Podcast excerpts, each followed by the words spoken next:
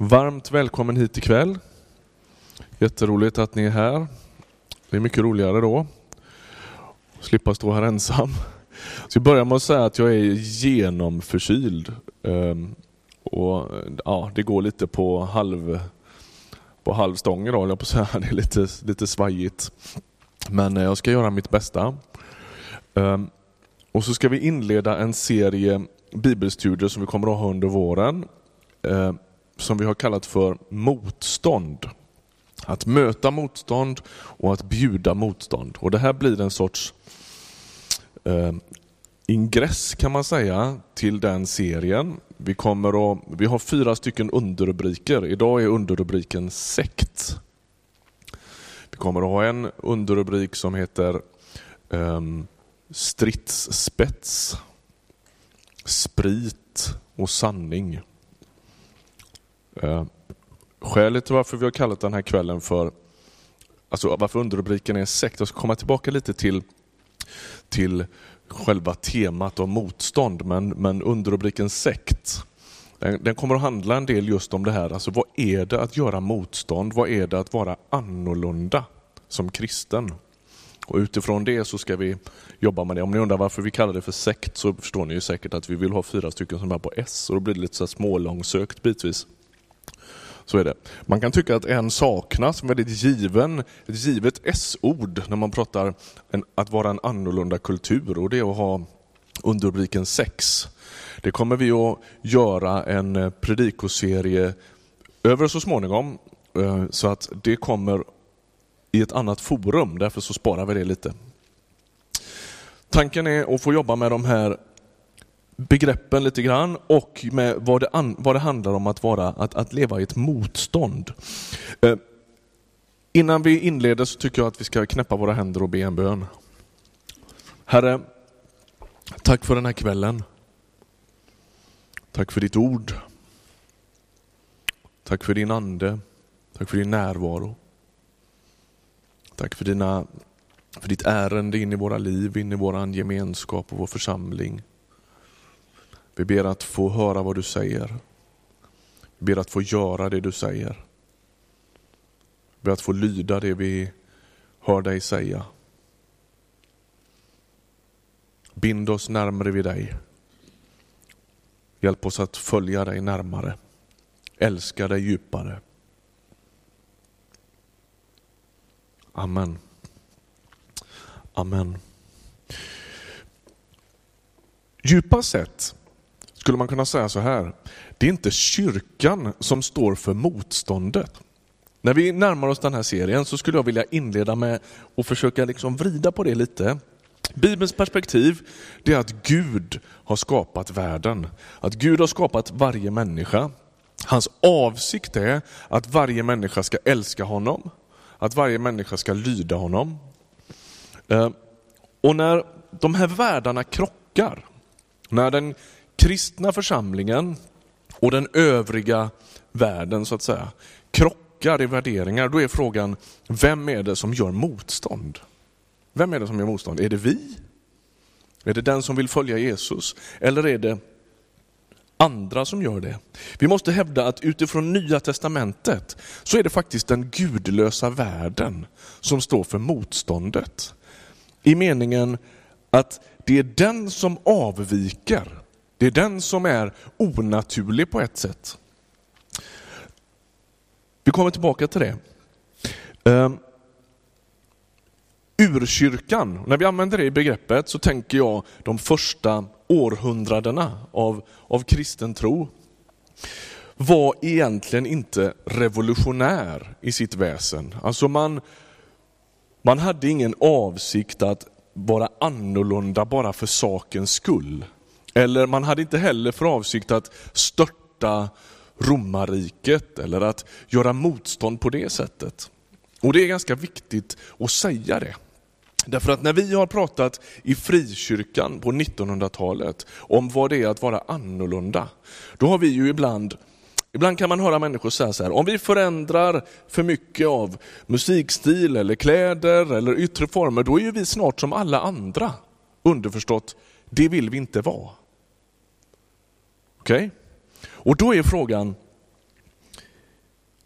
Alltså, det finns inget självändamål i att vara annorlunda. Och för de första kristna så satt inte annorlundaheten, om man kan säga så. Det ordet finns egentligen inte, men det, nu finns det. Annorlundaheten, den satt inte i, i de yttre identitetsmarkörerna. Det, det handlar inte om att de liksom, sjöng på ett annat sätt eller klädde sig på ett annat sätt eller alla de där yttre grejerna. De sökte egentligen inte det.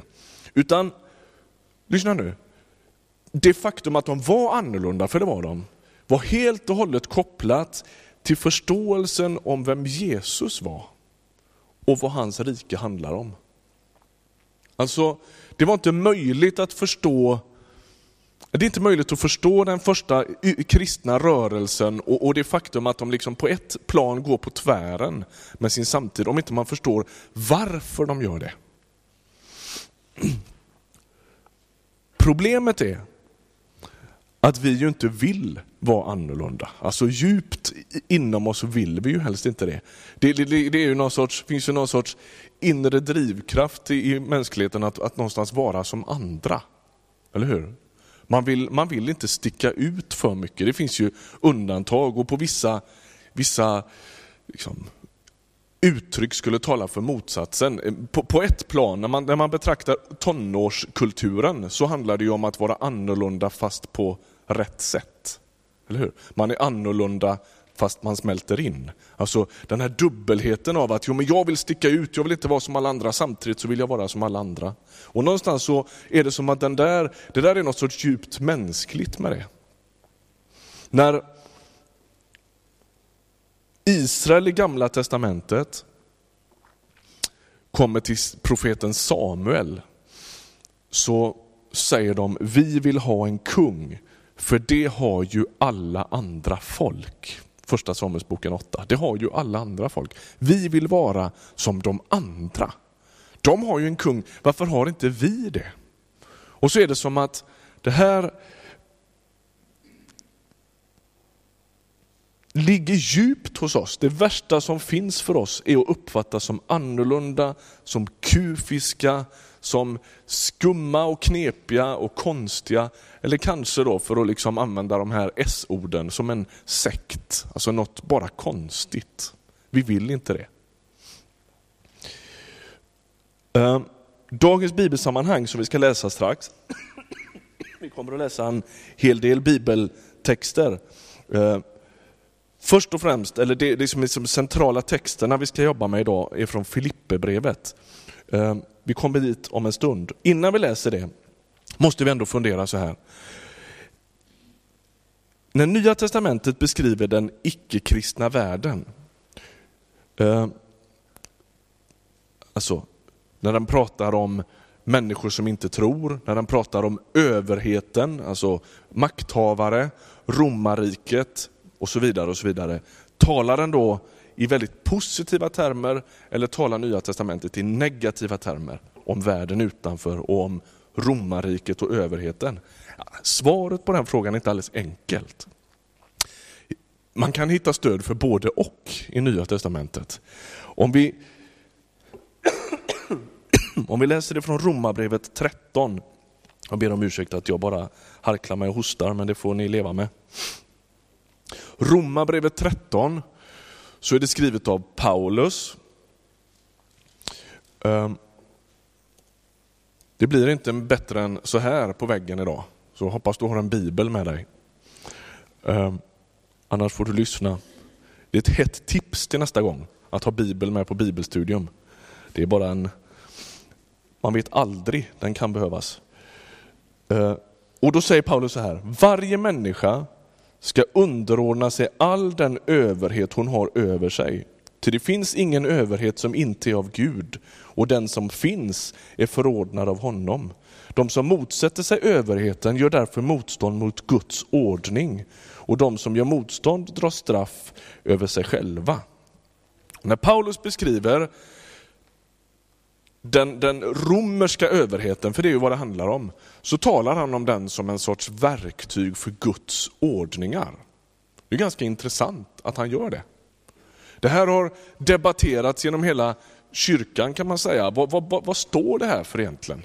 Menar han att all överhet alltid är tillsatt av Gud, vad gör det i så fall med politiska motståndsrörelser genom historien?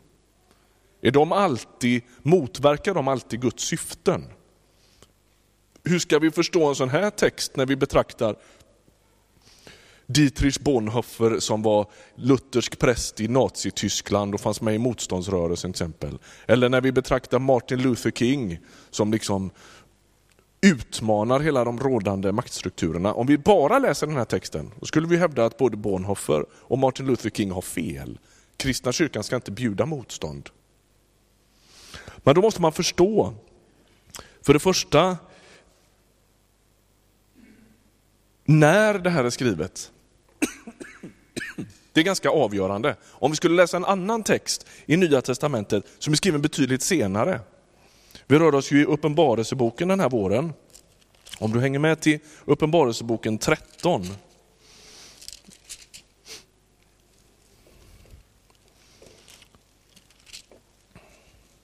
Så ska vi inte lägga ut den här ganska märkliga texten med ett rikt bildspråk. Det är inte ärendet idag just.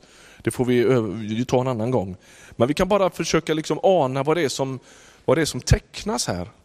Nu är det aposteln Johannes som tar emot, eller han ser en syn eller en uppenbarelse. Han sitter i straffläger, arbetsläger på ön Patmos i Medelhavet.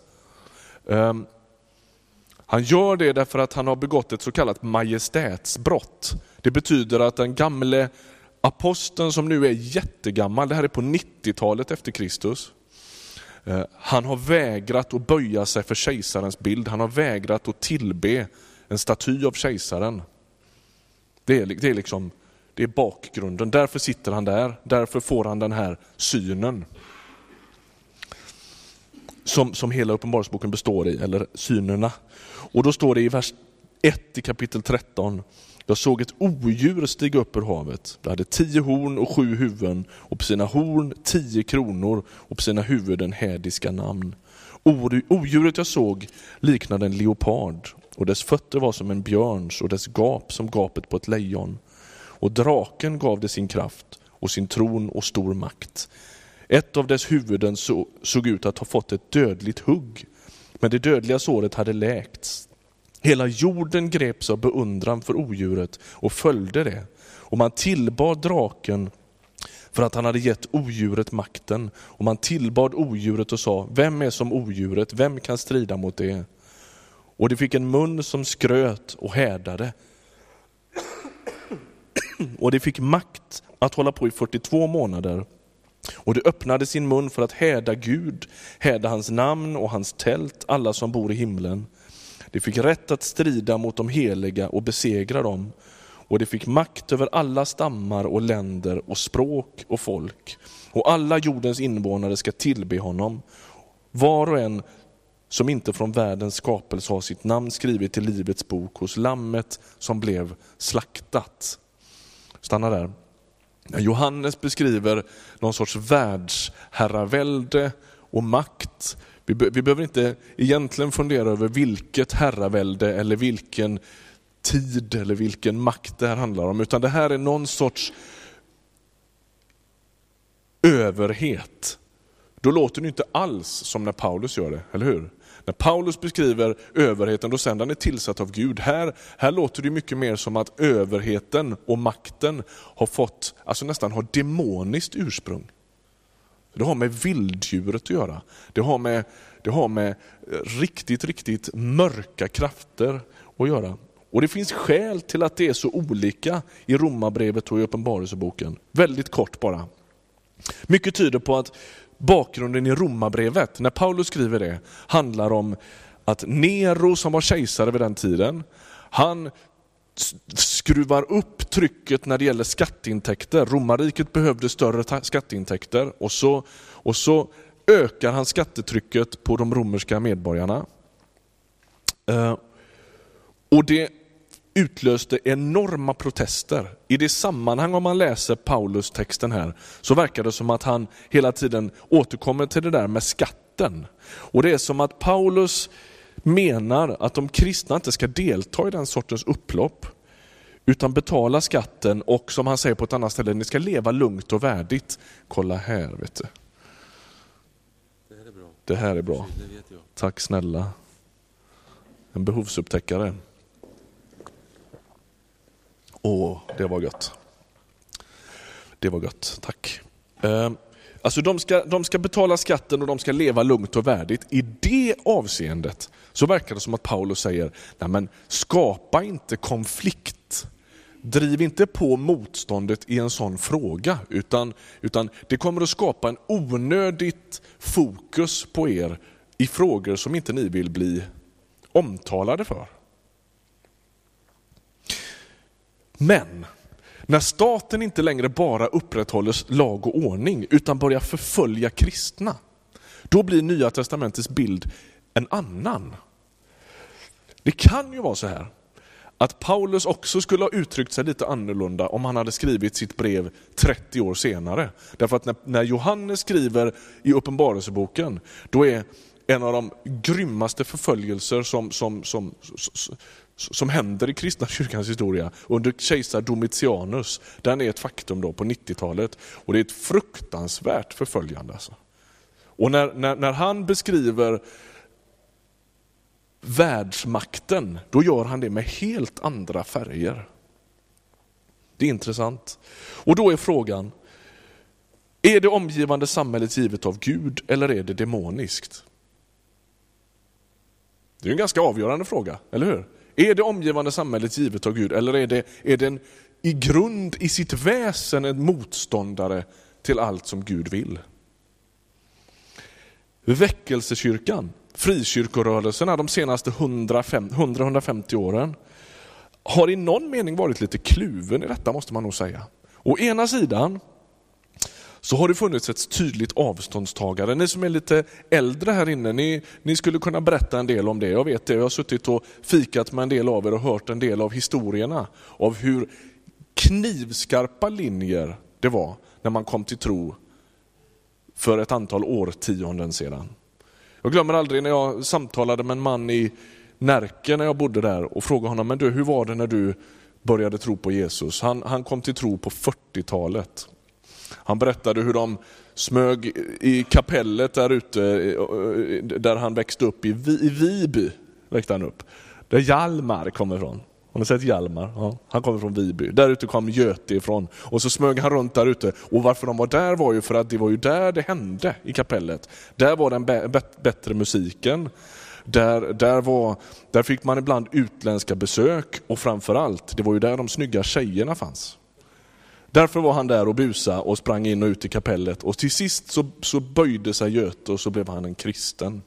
Och då berättar han med tårar i ögonen hur det var när han bestämde sig för att följa Jesus. Och hur det var så knivskarp linje mellan kyrkan och världen, så som man uppfattade världen. Då definierades världen ganska tydligt.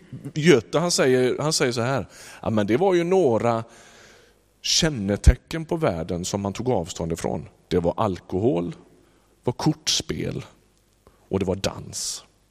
Det var ju världen liksom, på något sätt. Så i den meningen kan man säga att frikyrkan och väckelsekyrkan hade en, ett liksom knivskarpt snitt mellan kyrkan och den omgivande världen. Och, å andra sidan och, och, och, i det fanns ju också en sorts misstänksamhet ibland mot det som man inte riktigt kände till. Och samtidigt så präglades man ju av den rådande världsbilden. Nämligen, Sverige är ett kristet land med ett kors på flaggan. Alltså, det var man ju formad av ganska djupt. En del av de här väckelsepionjärerna de menade ju att självklart är man som medlem i en, i en frikyrka och i något litet kapell någonstans samtidigt kvar i Svenska kyrkan. Därför att man vill ju liksom stötta hela det som är det kristna systemet på något sätt. Alltså var man lite dubbel i det här. Å ena sidan, ja, man skulle nog skriva under på Johannes bild av världen som i sitt väsen motståndare till det Gud har att komma med. Å andra sidan så skulle man nog säga, nej men alltså världen så som vi känner den, den är ju per definition kristen någonstans.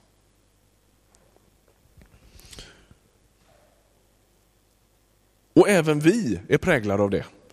Å ena sidan vill vi inte ha den där lite nervösa polariseringen i vi och dem. Alltså, vi, vi köper ju inte riktigt det. Att när man kommer till tro på Jesus då upp, säger man upp alla sina gamla bekantskaper. Som jag vet att många fick göra förr, det var inte att tänka på. Och liksom ha kvar dem. Vi, skulle, vi vill ju inte odla den typen av vi och dem-tänkande, vi vill ju vara avslappnade i det. Samtidigt är också vi präglade av en sorts grundidé om att Sverige och Västeuropa är byggt på kristna värden. Alltså blir det här lite skumt för oss. Hur är det egentligen? I förbifarten skulle jag vilja säga, det kan vi ta upp en annan gång om vi tycker att det finns något intresse av det. Det kanske bara är en pastor med för mycket tid som går att grunna på sånt här. Men jag skulle hävda att våran historia med de så kallade nationalkyrkorna i Europa, alltså svenska, norska, holländska, tyska kyrkan, har ställt till det för oss när vi ska prata om de här frågorna. Det är ett gissel, jag höll på att säga något annat, men det är ett gissel med det där. Därför att vi kan, vi kan inte kryssa rätt i det här, vi begriper inte riktigt vad som är vad, för vi är så präglade av vår historia. Med det sagt ska vi läsa Bibeln. Du som sitter och grunnar på, var det inte ett bibelstudium det här? Nu händer det. Filipperbrevet 1.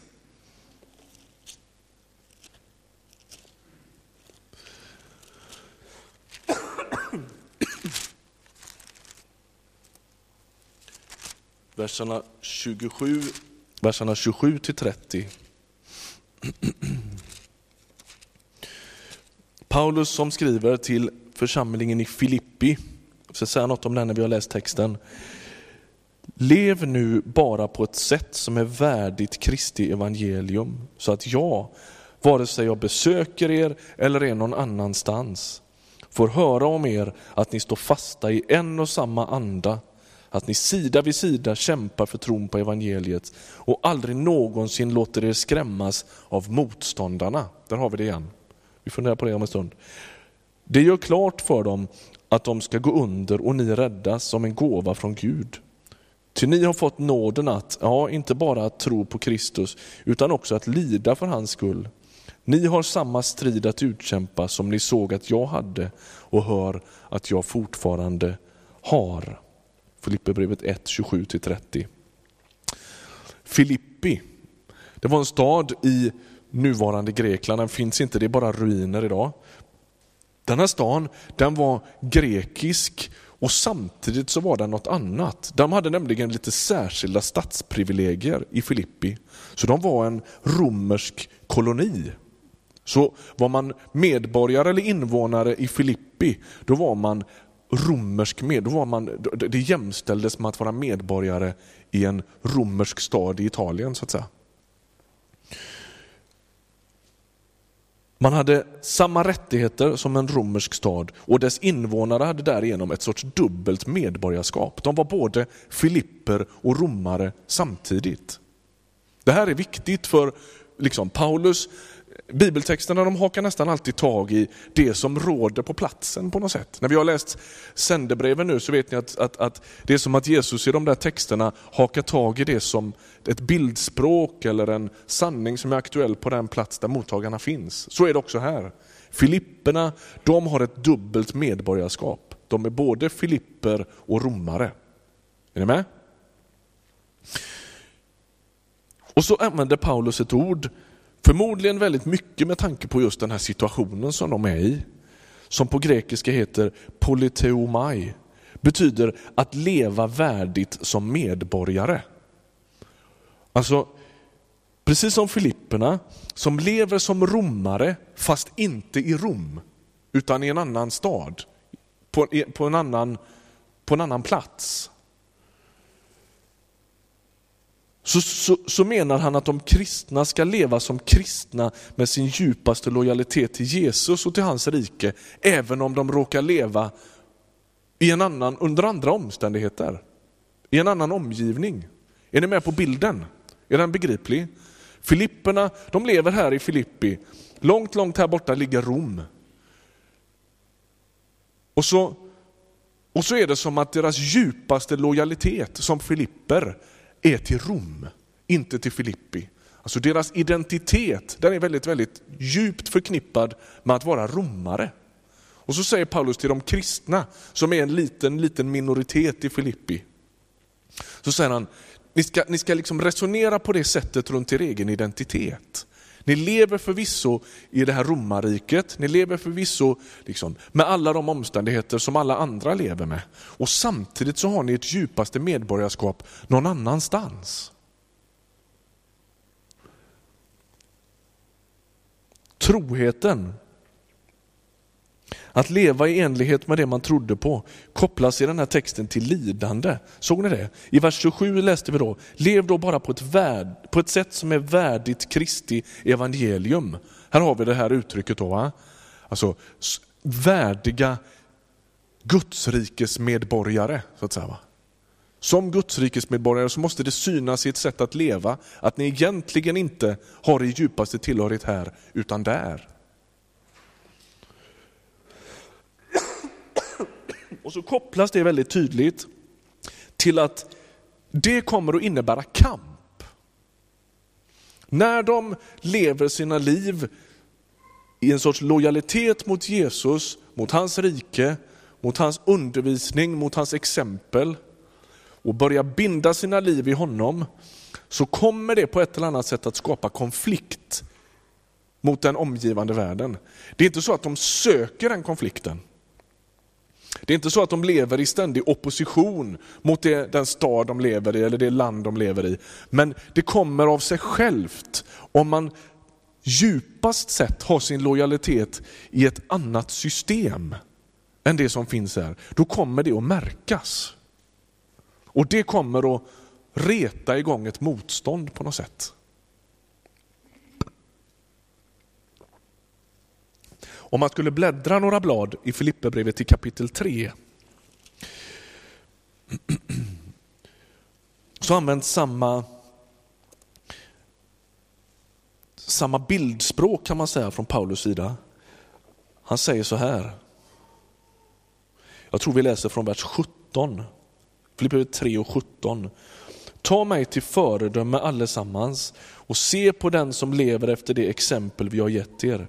Många jag har ofta sagt det och säger det nu med tårar, är fiender till Kristi kors.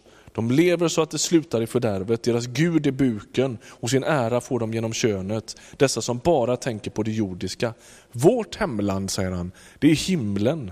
Och därifrån väntar vi också den som ska rädda oss, Herren Jesus Kristus. Han ska förvandla den kropp vi har i vår ringhet så att den blir lik den kropp han har i sin härlighet. Ty han har kraft att lägga allt under sig, säger Paulus. Vårt hemland är himlen. Återigen så använder han ett ord som är släkt med det förra, ni såg att det påminner lite om varann, som heter politeuma, som betyder stat eller medborgarskap. Alltså vi har vårt medborgarskap i himlen, säger han. Och nu närmar vi oss liksom kärnan i dagens bibelstudium. Den kristna kyrkan, lyssna nu, den, jag, jag hävdar att den kristna kyrkan, så som den beskrivs i Nya Testamentet, är inte revolutionär i sitt väsen. Alltså, man är inte annorlunda för sakens skull. Man har egentligen inte för avsikt att störta några makthavare. Man har inte för avsikt att bilda kristna partier och ta över makten. Det är inte avsikten i, den, i urkyrkan. Utan urkyr, urkyrkans fokus det är om Jesus har kommit, om han har levt på jorden, om Gud har landstigit i mänskligheten. Om han har lidit för mänskligheten, dött på ett kors, besegrat all djävulskap och ondska och mörker och död. Allt det som står som fiende till Guds väsen. Om han har uppstått från de döda, besegrat alltihopa det där, då kodas hela tillvaron om att tillhöra honom och hans rike. Det skapar polarisering, men man är inte annorlunda för sakens skull. Man blir det indirekt av att följa Jesus. Av att vara medborgare i det andra riket så blir man annorlunda. Alltså, man skulle kunna uttrycka det så här. Vi ska inte söka vara kufiska. Vi ska inte söka vara annorlunda och konstiga eller bara knepiga, utan vi ska söka bindas så nära Jesus som det bara är möjligt. Lyda honom så tydligt som det bara går. Och utifrån det springer våran annorlundahet. Är du med på vad jag är ute efter? Det handlar lite om, det handlar lite om vad som kommer först. Liksom. Vi söker inte vara, vara en motkultur till den här världen för sakens skull, utan vi söker följa Jesus och där i ligger den uppkäftiga motkulturen. Om inte man är med på det, då blir det annorlunda bara obegripligt. Då blir det bara konstigt och då finns det en risk att vi går vilse i det. Då blir det en fråga om yttre maner och liksom alla möjliga olika såna här identitetsmarkörer som vi behöver för att liksom känna att vi, är, att vi hör ihop. De är inte nödvändigtvis kopplade till kristen efterföljelse. De kan vara bra av andra skäl. De kan behövas för att vi liksom ska funka som en grupp. Men de är inte per definition kristna alltid.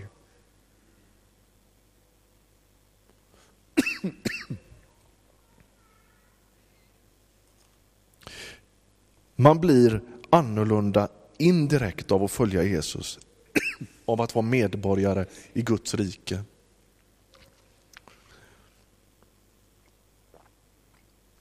Precis som Filipperna har vi vårt medborgarskap eller vårt hemland i himlen, så som Paulus beskriver det här.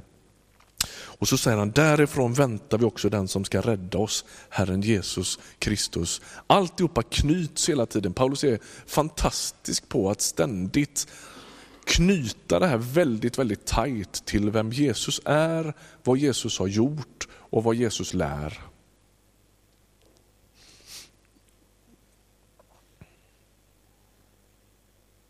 Då blir den stora frågan. Är vi som sitter här först och främst svenskar? Eller är vi först och främst medborgare i Guds rike? Står vi först och främst under svenska myndigheter, lagar och förordningar eller står vi under Jesu regentskap?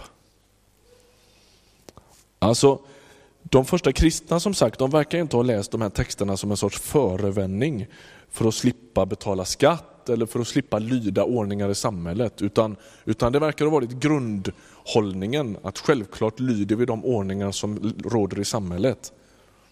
Men när det hettade till, när man tvingades att välja sida, det var då man var tvungen att liksom påminnas om vilket som, är, vilket som är min djupaste lojalitet. Det kan man ju fundera över som svensk.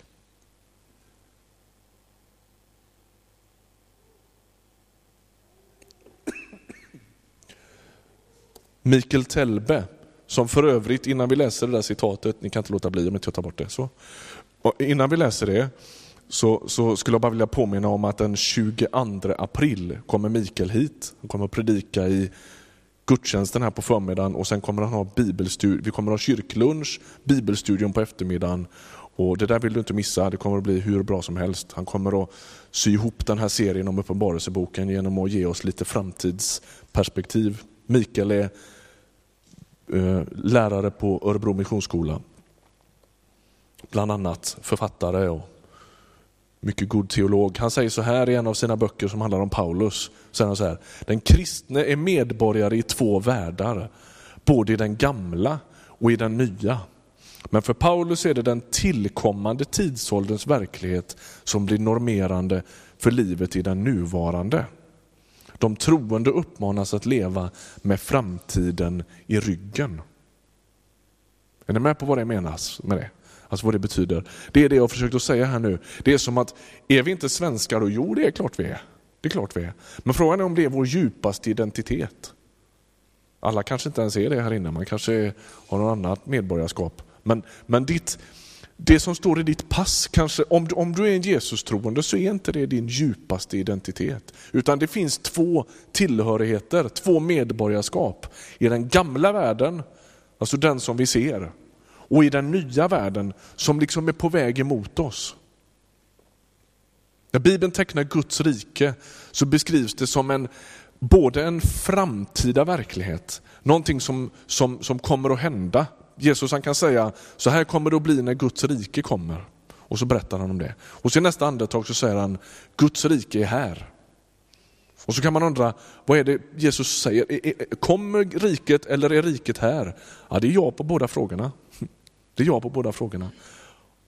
En dag så kommer riket i sin fullhet. Det är då, det är då Uppenbarelseboken beskriver att det kommer inte finnas någon sorg längre. Det kommer inte finnas någon död.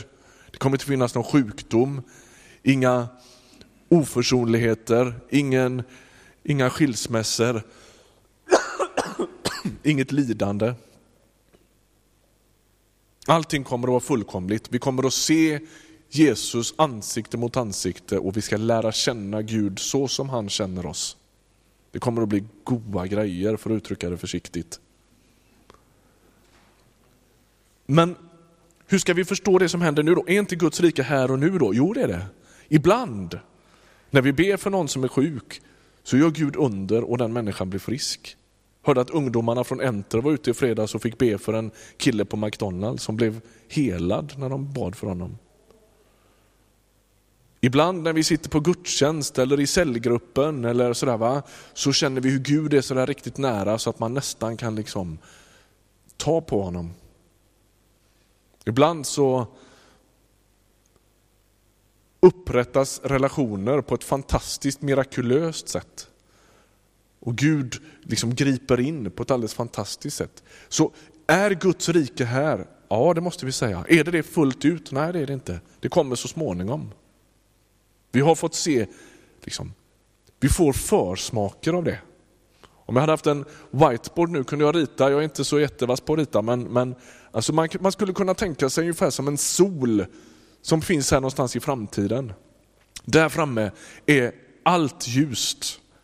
Bibeln beskriver att i, himlen, eller i, när, när Jesus kommer, då kommer det inte behövas någon sol. Därför att vi kommer att leva av ljuset från Guds eget ansikte.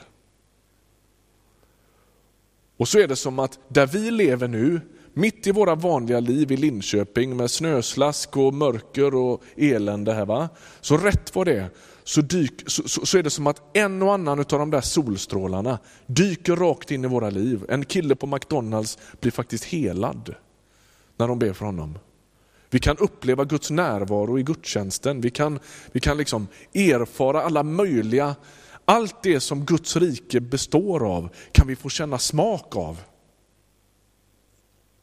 Men inte fullt ut. Därför att det kommer då. Och när Telbe beskriver det så här, som att vi har en gammal värld och en ny värld. Så försök att tänka dig det där. Alltså där framme någonstans, där finns den nya världen. Där regerar Jesus fullt ut. Där finns det ingenting som står emot det. Där finns det ingen som inte lyder det. Och så vidare och så vidare. Här så kan vi börja leva i det genom att be om Guds, det är därför vi ber i bönen Fader vår, vet va? Låt ditt rike komma. Låt ditt rike, vad är det för något? Jo, det är allt det som finns där du, där du in, oinskränkt råder, låt det få hända här. Bryt in i våran värld med ditt rike. Bryt in i våran värld med din närvaro, med din kraft, med upprättelse, med frid, med förlåtelse, med helande och så vidare. Och så vidare. Och så är det som att som kristen så lever vi emellan de här två världarna, eller i båda på ett sätt.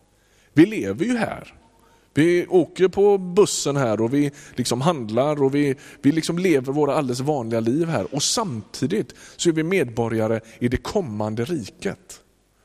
Och det är som att, enligt, enligt, enligt Telbes beskrivning, så blir det som att vi lever med framtiden i ryggen. Alltså vi vet redan vad som kommer. Och, och stärkta av det lever vi våra liv.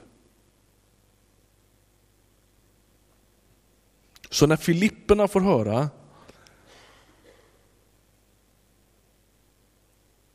som vi läste innan här,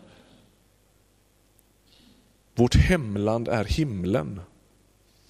Då ska det absolut inte förstås som något världsfrånvänt eller som någon eh, flykt eller bara flum, utan det handlar om vilken är den kristna människans djupaste identitet. Vem är jag djupast sett? Vem tillhör jag djupast sett? Om det bränner till, vem lyder jag djupast sett? Vems, vems, vem ska jag ge min obrottsliga lojalitet? Och när den första kristna kyrkan brottades med de här frågorna, då verkade det inte som att de sökte den här konflikten med romarriket, men den uppstod därför att de var väldigt klara på vem som skulle ha deras lojalitet. Det är därför Johannes kan leva sitt liv i Efesos där han är församlingsledare och pastor så småningom, långt sent i livet. Han kan leva där och, och, och liksom i en mening som en invånare i Efesos. Men så finns där som en stor staty av kejsaren. Och en dag när han tvingas att böja sig för den, så säger han, nej där går gränsen. Jag böjer mig inte. Det lär ha varit så här att de statsanställda i romarriket, när de ska hälsa, skulle hälsa på varandra ute på offentliga platser, då ropar den ene till den andra, kejsaren är herren. Och så svarar den andra, ja, han är verkligen herren. Det här utvecklas under, under tiden. I, i början så, så, så, finns det ingen kejsarkult på det sättet, men det eskalerar, eh, liksom, utvecklas under resans gång. Och det, det pikar kan man säga runt Domitianus på 90-talet efter Kristus, som är en galning, som kräver tillbedjan och talar om sig själv som den strålande morgonstjärnan och så vidare. Det finns massvis med bredsidor i, eh, i Uppenbarelseboken till, till att, att han hävdar att han liksom är Gud. Och så kommer Uppenbarelseboken och på punkt efter punkt hävdar han, nej, nej, nej, det är Jesus som är den strålande morgonstjärnan. Och när man ropade det där, kejsaren är Herren, ja han är verkligen Herren. Så det är klart att en Jesus-troende som hör det där måste fundera på vad ska jag svara? Och det lär ha varit så här då att när, när någon kommer och ropar kejsaren är Herren, det heter Kyrios på grekiska, så ropar den kristne nej! Jesus är Herre. Och där i bestod, bestod det kristna motståndet. Det kristna motståndet bestod inte i att den kristna kyrkan sökte att vara så knepig och annorlunda som möjligt för sakens skull, utan det hade med Jesu herravälde att göra. Det är liksom viktigt att haja det. Enkelt uttryckt, om vi pratar om det här med medborgarskapet. Vi vill inte leva och dö i Norden. Vi vill leva och dö i Kristus. Så är det. Alltså det, det är vår djupaste identitet. Paulus han skriver väldigt ofta utifrån samma mönster som, som vi har beskrivit här upp, innan. här nu då, va? Eh, alltså, först beskriver han Jesus, vem Jesus är, vad han har gjort, och så vidare. Va? Och sen kommer själva, själva tillämpningen, alltså vad, vad, vad gör det här med våra liv? Det bottnar liksom hela tiden i vem Jesus är. I Romarbrevet, som ju är Paulus paradtext måste man ju säga, där han går igenom hela Guds frälsningsplan på ett fantastiskt sätt, så ägnar han de första elva kapitlen mer eller mindre åt att beskriva Guds plan. Människan som har syndat, hur Gud har förberett en, liksom, han har en plan för mänskligheten. Och så kommer Jesus och så vet ni hur det liksom eskalerar i kapitel 8 där han pratar om att vem kan vara emot oss om, Jesus, om Gud är för oss? Inte varken död eller änglar eller andemakter och så vidare. Och så fortsätter han ända fram till sista versen i kapitel 11 beskriva det på det sättet. Och sen i kapitel 12 så börjar han, därför ber jag er bröder och systrar att frambära er själva.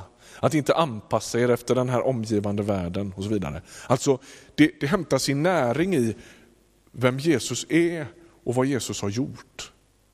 Så här funkar Paulus hela tiden. I Efesierbrevet kapitel 1 så beskriver han Jesus storhet. Ni kan få hänga med dit om ni vill, även om inte det finns på väggen. Tror jag. Nej. Efesierbrevet 1 och vers 20.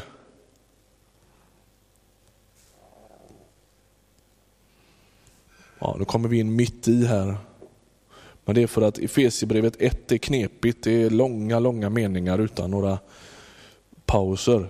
Det står om Jesus att Eh, Gud uppväckte honom från de döda och satte honom på sin högra sida i himlen, högt över alla härskare och makter och krafter och herravälden, över alla namn som finns att nämna, såväl i denna tiden som i den kommande.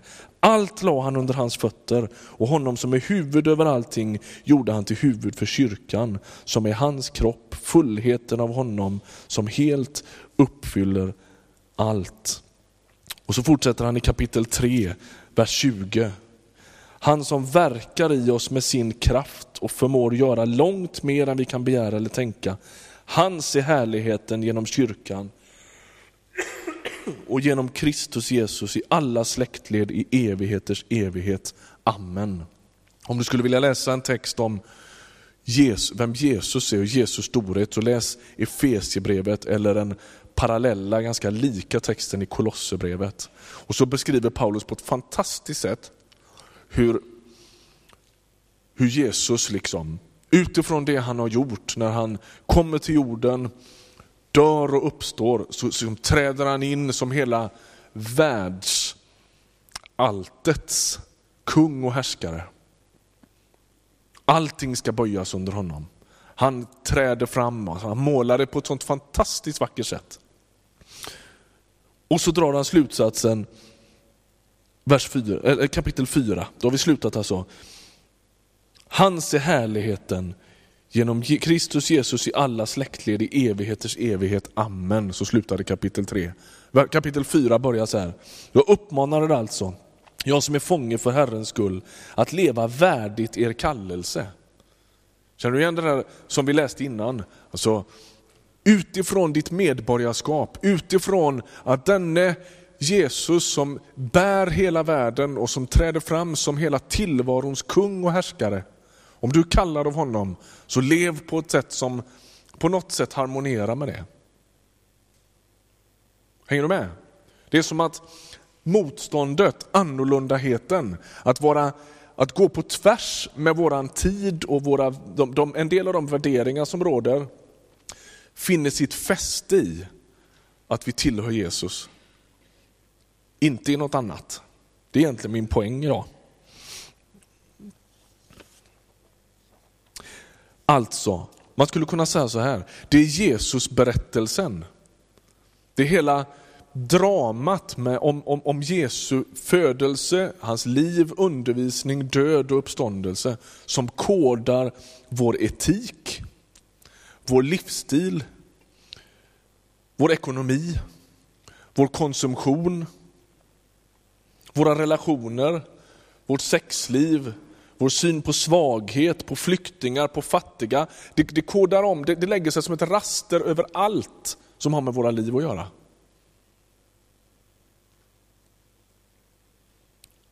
Att säga Jesus är Herre, det är att eh, på något sätt gå in under det. Jag glömmer aldrig för rätt många år sedan när Frizonfestivalen var ganska ny. Ungdomsfestivalen på Torp i augusti. Eh,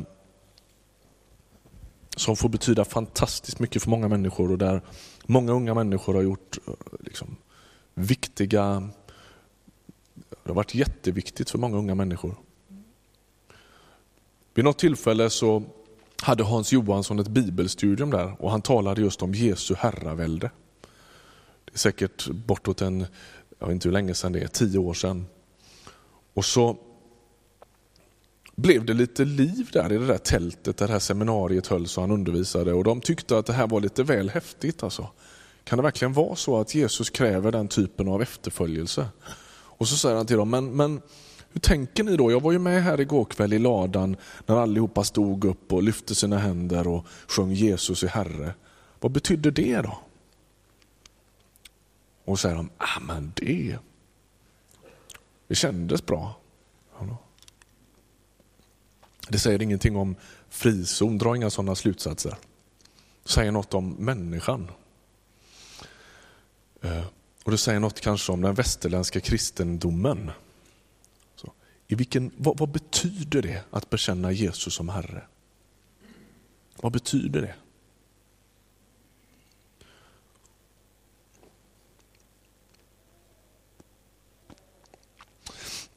Kort, för att liksom landa här på något sätt alldeles strax. Det finns ett begrepp i Nya Testamentet som vi inte kan ducka för. Jag har varit inne på det lite, men jag skulle vilja bara reda i det under några korta minuter. Ehm, vi måste närma oss begreppet världen. Vad är det? Vad är det? Låt oss läsa någon bibeltext ifrån Jakobsbrevet. Är ni med mig i några minuter till? Ni har kommit hit frivilligt så att eh, det är ett fritt land.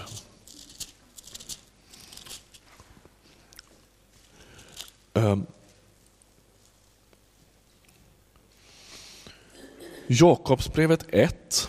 Vi ska läsa två texter från Jakobsbrevet och ska försöka fundera på vad det här är. Vad står det här för? Ehm, vi får nog läsa versen innan igen för att få det i sitt sammanhang. Ni vet, det är en sån här käpphäst.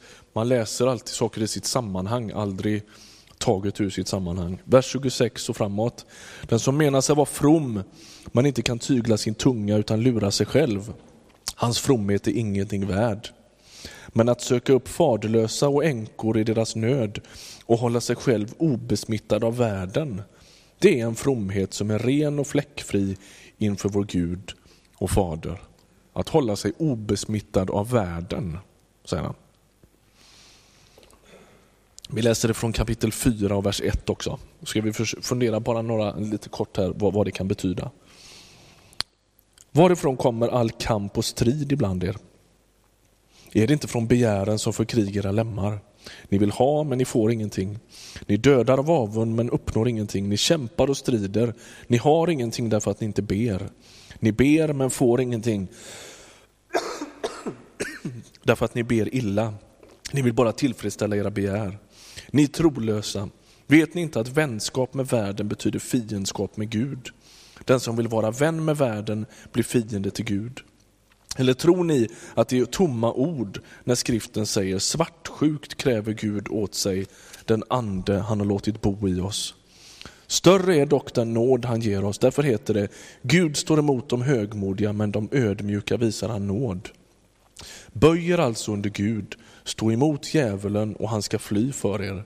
Närma er Gud och han ska närma sig er. Gör era, hjärt, era händer rena, ni syndare, och rena era hjärtan, ni tvehågsna. Sörj och gråt och klaga. Vänd skrattet i tårar och glädjen i sorg. Ödmjuka er inför Herren och han ska upphöja er. Det är Jakob som skriver detta. En svettig text och svettigt brev på alla möjliga olika sätt. Ehm, Jakob som förmodligen är Jesu biologiska halvbror har skrivit det här. Ledare i den allra tidigaste kyrkan. Vad är världen för något? Håll er obefläckade från världen, säger, säger Jakob i kapitel 1. I kapitel 4 så säger han Svartsjukt kräver Gud åt sig den ande han har låtit bo i oss. Alltså, han talar om de här två liksom, polerna på något sätt som en kristen eller vilken människa som helst står, står emellan. Världen å ena sidan och Guds rike å den andra sidan. Vad är världen? Ja, det används på två sätt i Nya Testamentet. Dels som bara den skapade bebodda världen. Alltså, precis som vi skulle använda begreppet, hela världen. Och det andra sättet som man beskriver världen, eller som man, när, man, när man talar om världen så, så menar man det tankesystem eller den makt som står emot Gud. Det grekiska ord som används är ofta kosmos, ibland ett ord som heter schema. den fördärvade världen, tillvaron skild från Gud och fientligt inställd till honom. Alltså som en sorts motpol just till Guds rike. Och Man kan säga att Bibelns undervisning om världen handlar om vilka makter jag väljer att alliera mig med. Var min tillhörighet, var min identitet finns och därmed vilka lojaliteter jag har. Världen som ett system och som en makt är i sin natur Guds motståndare. Och som kristen måste jag lära mig att leva med det. Att vara lärjunge i världen, det blir därför i en mening, inte ett, på ett överspänt sätt. Ni vet vad vi sa innan om frikyrkans historia, där man kanske ibland hade en överdriven misstänksamhet mot allt som var utanför kyrkan. Jag tror, det är inte det jag far efter, men i en mening så handlar att vara kristen och lärjunge i världen om att leva sitt liv i fiendeland. Att förstå att den omgivande strukturerna, drivkrafterna, lojaliteterna i sitt väsen står emot det som Gud vill.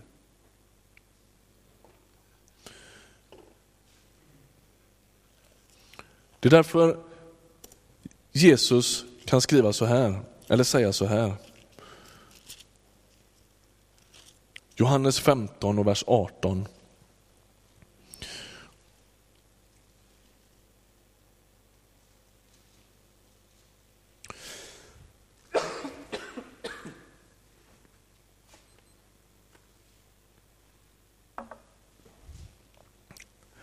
Om världen hatar er, kom då ihåg att den har hatat mig före er. Om ni tillhörde världen skulle världen älska er som sina egna. Men nu tillhör ni inte världen, utan jag har kallat er ut ur världen och därför hatar världen er. Kom ihåg vad jag har sagt er, tjänar den inte för mer än sin herre. Har de förföljt mig kommer de också att förfölja er. Har de bevarat mitt ord kommer de också att bevara ert. Och Det är som att Jesus målar en ganska, ganska drastisk bild av världen som, som det system av värderingar, makter, drivkrafter som står emot Gud och står emot Guds rike. Eh, om du, om du får anteckningar och skulle vilja ha en annan text som vi inte stannar vid idag, skulle du kunna skriva andra Johannesbrevet 2.15. Äh, eh, första Johannesbrevet 2.15, förlåt. Första Johannesbrevet 2.15. Där, där Johannes ger en definition på vad han menar med världen. Älska inte världen, börjar den texten. Men det jag försöker säga det är det här, nu ska vi snart gå i mål här. Det är inte vi djupast sätt som gör motstånd, utan världen, så som vi har försökt beskriva den nu, vägrar böja sig under Jesus och det är den som står för motståndet på ett sätt. Krocken uppstår då vi väljer att följa Jesus, lyda honom och leva annorlunda som en konsekvens av att vi tror att Jesus är Herre och kung. Det tar sig alla möjliga olika uttryck. va? Där vi blir det annorlunda folket, inte för att vi söker annorlundaheten, utan för att vi söker göra Guds vilja. Vi vill följa Jesus helt enkelt.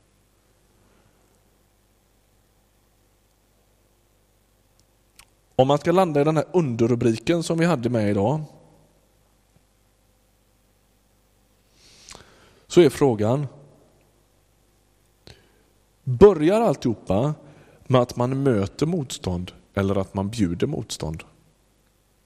Finns det någon, är det höna och ägg över det här eller finns det någon början på det här?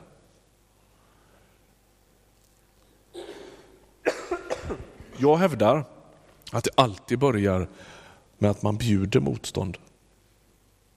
Om man tar sin tro på allvar, och man säger det här med Jesus efterföljelse, det kommer att få konsekvenser för mig. Det kommer att innebära, det kommer att vara som jag sa innan, det kommer att prägla alla områden av mitt liv. Så är det där det börjar. Det börjar inte, det börjar inte med motstånd egentligen, utan det börjar med lydnad. Och i den lydnaden så uppstår motståndet. Att ta sin tro på allvar, att ifrågasätta och att vägra alliera sig med en del av världens makter. Det innebär att jag på sikt kommer att möta motstånd. Det går inte att undvika det. Därför att Guds rike går så på tvären med de rådande värderingarna i vilket samhälle som helst. Så att när man börjar att ta det på fullaste allvar, då kommer det att smälla. Liksom.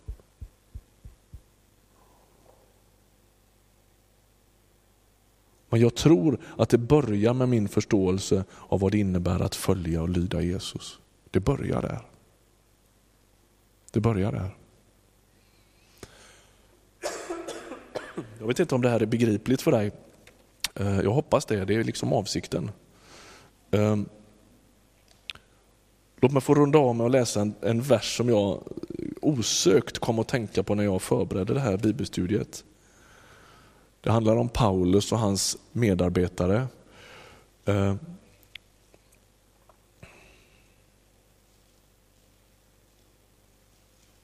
de kommer till Thessalonike, eller Thessaloniki i Grekland.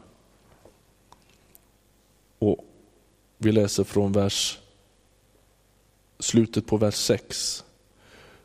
Eller vi tar hela versen. När de inte kunde hitta dem släpade de Jason och några andra bröder inför stadens styresmän och ropade. Jason han är en av dem som har liksom varit värd för Paulus och hans vänner. Dessa som har vållat oro i hela världen har nu kommit hit också och Jason har tagit emot dem hos sig. Lyssna nu. De bryter alla mot kejsarens förordningar och säger att det är en annan som är kung, en som heter Jesus.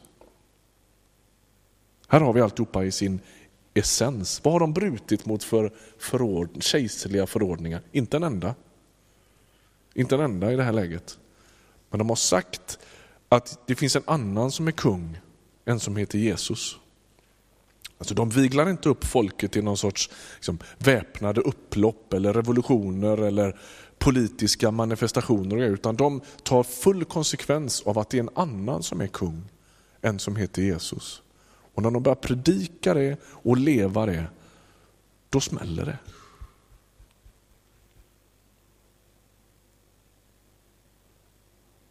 Om det här är sant som jag har sagt idag, det, det är inte givet. Men om det skulle vara det, så inställer sig ju en ransakande fråga. Jag tänker inte svara på den, jag skulle bara vilja avsluta med att ställa den. Om svensk kristenhet möter så lite motstånd som vi gör, vad säger det om vår förståelse av att Jesus är Herre?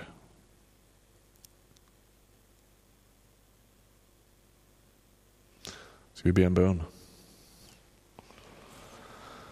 Herre, tack för den här kvällen. Tack för alla som är här.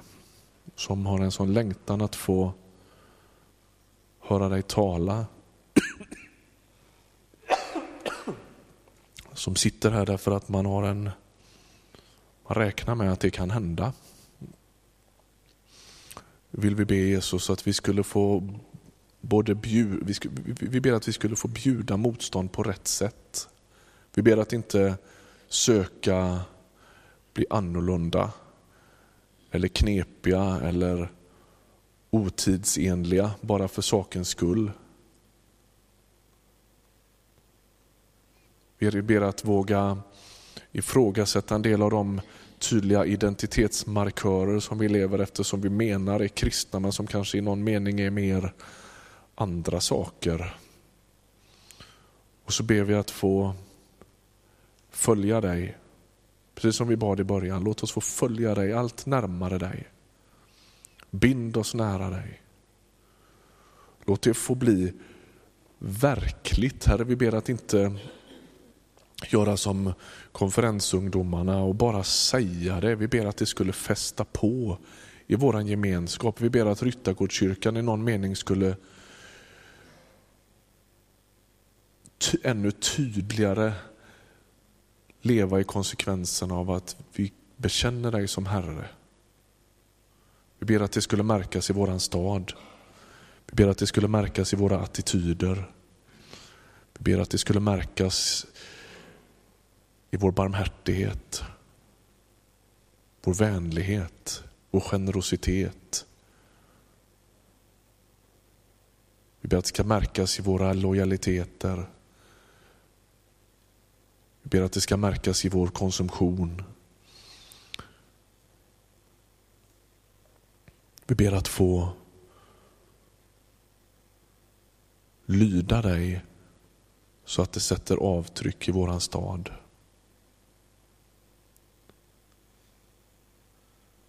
Tack att du ger kraft. Tack att du ger mod.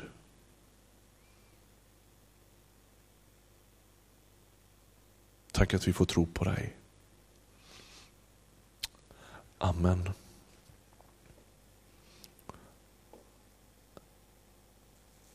Amen.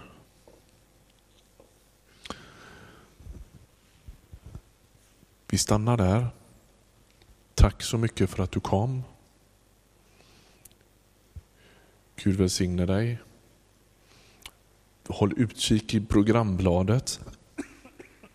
Jag minns inte exakt nu i huvudet här vilka kommande datum är, men vi lägger ungefär en sån här i månaden. Eh, och kommer alltså jobba med några andra frågor framöver. Stridsspetsgången, där kommer vi att fundera lite över här, frågan om våld, vapen, krig. Eh, och fundera över, vad, vad, finns det en kristen väg i den frågan? Eh, sanning, då kommer vi att grunna en del på, finns det, finns det, finns det tydliga sannings... Kan man hävda i ett modernt eh, samhälle präglat av tolerans att Jesus är enda vägen? Kan man göra det? Och gången om sprit kommer vi att grunna lite på. Finns det, en, finns det en kristen väg i alkoholfrågan?